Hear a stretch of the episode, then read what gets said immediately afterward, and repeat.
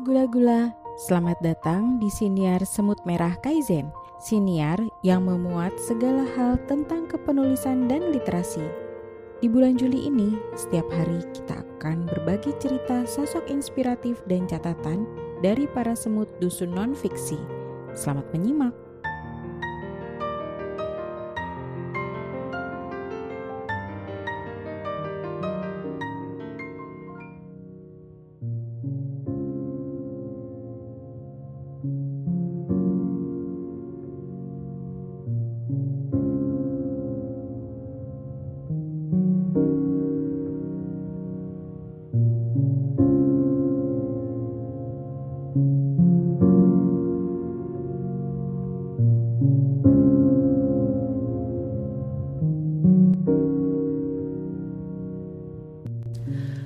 Wongso Suseno adalah sosok legenda tinju Indonesia.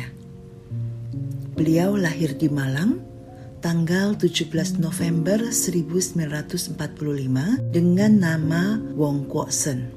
Beliau adalah putra Indonesia pertama yang meraih sabuk gelar juara tinju level internasional yaitu Oriental Pacific Boxing Federation atau disingkat OPBF kelas welter ringan 63,5 kg pada tahun 1975. Pada pertandingan di Istora Senayan, Jakarta, 28 Juli 1975 itu, Wongso Suseno menang angka 12 ronde atas juara bertahan asal Korea Selatan, Lee Chang-kil. Duel bersejarah itu disaksikan langsung oleh sekitar 10.000 penonton yang memenuhi Istora Senayan, Jakarta. Pada waktu naik ring perebutan sabuk juara OPBF ini, Wongso Suseno baru memiliki pengalaman naik ring sebanyak enam kali. Yang satu di antaranya adalah pertandingan internasional di mana beliau menang angka 10 ronde atas Arturo Alcantara dari Filipina. Sedangkan pihak lawannya, Lee Chang-kil, sudah 26 kali naik ring dan 10 kali mempertahankan gelar juara OPBF. Meski demikian, lelaki keturunan Tionghoa ini tidak peduli pada rekor lawannya. Wongso Suseno tetap memaksang target juara. Beliau mengatakan bahwa dadanya bergemuruh dengan semangat berlipat-lipat ketika mendengar lagu Indonesia Raya dikumandangkan sebelum beliau bertanding. Dan merasa sangat bersyukur ketika akhirnya berhasil memperoleh kemenangan. Dalam kurun waktu tahun 1975 sampai 1982, Wongso Suseno memiliki rekor 12 kali naik ring tinju profesional. Beliau mendapat julukan Super Quick karena pukulan tangannya begitu cepat bak panah melesat. Wongso Suseno yang bertipikal ortodoks menjadi orang ke-11 dari 39 petinju yang hingga saat ini pernah menggenggam juara OPBF kelas welter ringan. Dalam kurun waktu tersebut, Wongso Suseno juga pernah menghuni peringkat ke-6 penantang juara dunia WBC dan peringkat ke-8 penantang juara WBA kelas welter ringan. Tidak ada sesuatu yang kekal dan tetap selamanya. Kemenangan dan kekalahan adalah hal yang wajar dalam semua pertandingan. Setelah mempertahankan gelar juara sebanyak tiga kali, pada bulan September 1977, Wongso Suseno kalah angka dari petinju Filipina Moises Kantoha di Jakarta dalam 12 ronde. Beliau pernah mengatakan bahwa Pendapatan petinju profesional di era itu tentunya tidak bisa dibandingkan dengan era 2000-an saat ini karena sangat jauh berbeda. Meskipun demikian, dengan penghasilannya sebagai atlet tersebut, beliau membantu perekonomian keluarga besarnya yang terdiri dari ibu, delapan saudara kandungnya, dan para keponakan. Pada tahun 1978, Wongso Suseno menikah dengan Lili Cynthia, seorang perempuan cantik keturunan Tionghoa kelahiran Malang yang berusia tujuh tahun lebih muda. Dari pernikahan ini, mereka dikaruniai tiga orang putri dan satu orang putra yang saat ini semuanya sudah dewasa.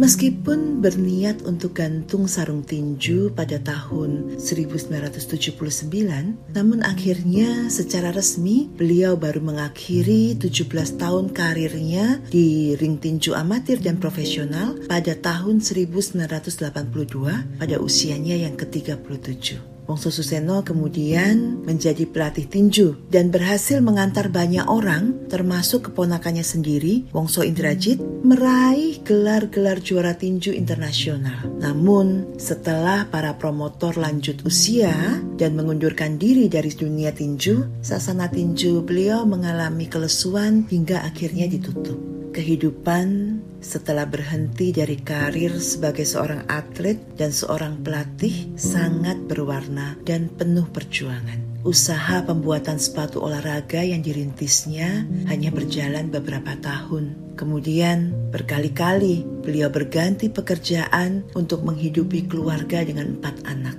Semua pekerjaan pernah ia jalani, termasuk menjadi penjaga tambak hingga pengawas proyek pembangunan. Pendidikan adalah hal yang sangat penting bagi Wongso Suseno dan istrinya. Anak-anaknya bercerita bahwa mereka memperoleh pendidikan terbaik di sekolah yang terbaik meskipun keadaan ekonomi keluarga tergolong tidak baik. Banyak sekali penghematan yang dilakukan seperti makanan yang sangat sederhana, bahkan terkadang hanya ada nasi dan garam tapi tetap nikmat karena disajikan dengan senyum dan tawa yang hangat. Tidak ada barang mewah, bahkan hampir tidak pernah membeli baju baru. Semuanya adalah baju-baju turunan dari kakak-kakak sepupu yang lebih mampu. Tidak pernah ada rekreasi keluarga, bahkan semua anak tidak pernah bisa mengikuti kegiatan perpisahan sekolah yang membutuhkan biaya lebih.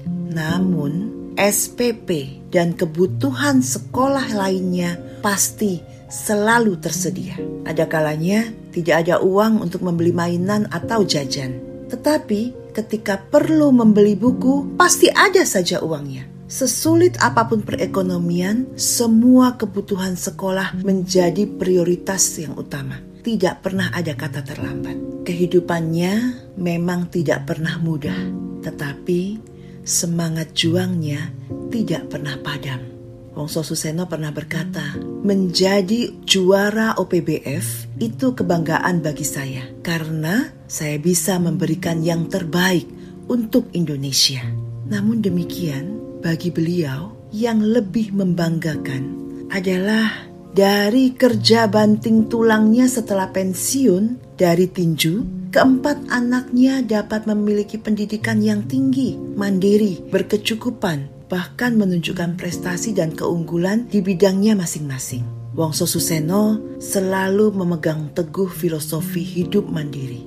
Beliau pantang meminta-minta dan terus berjuang dengan tetes keringatnya sendiri. Inilah yang diajarkan juga pada putra-putrinya. Hingga usianya yang lanjut saat ini, beliau tetap terus penuh daya juang. Meskipun sudah masuk masa pensiun, beliau tidak pernah bisa berhenti mengerjakan apa pun di rumah. Menurut beliau, hidup itu harus terus bergerak, terus berdaya, dan terus memberi manfaat.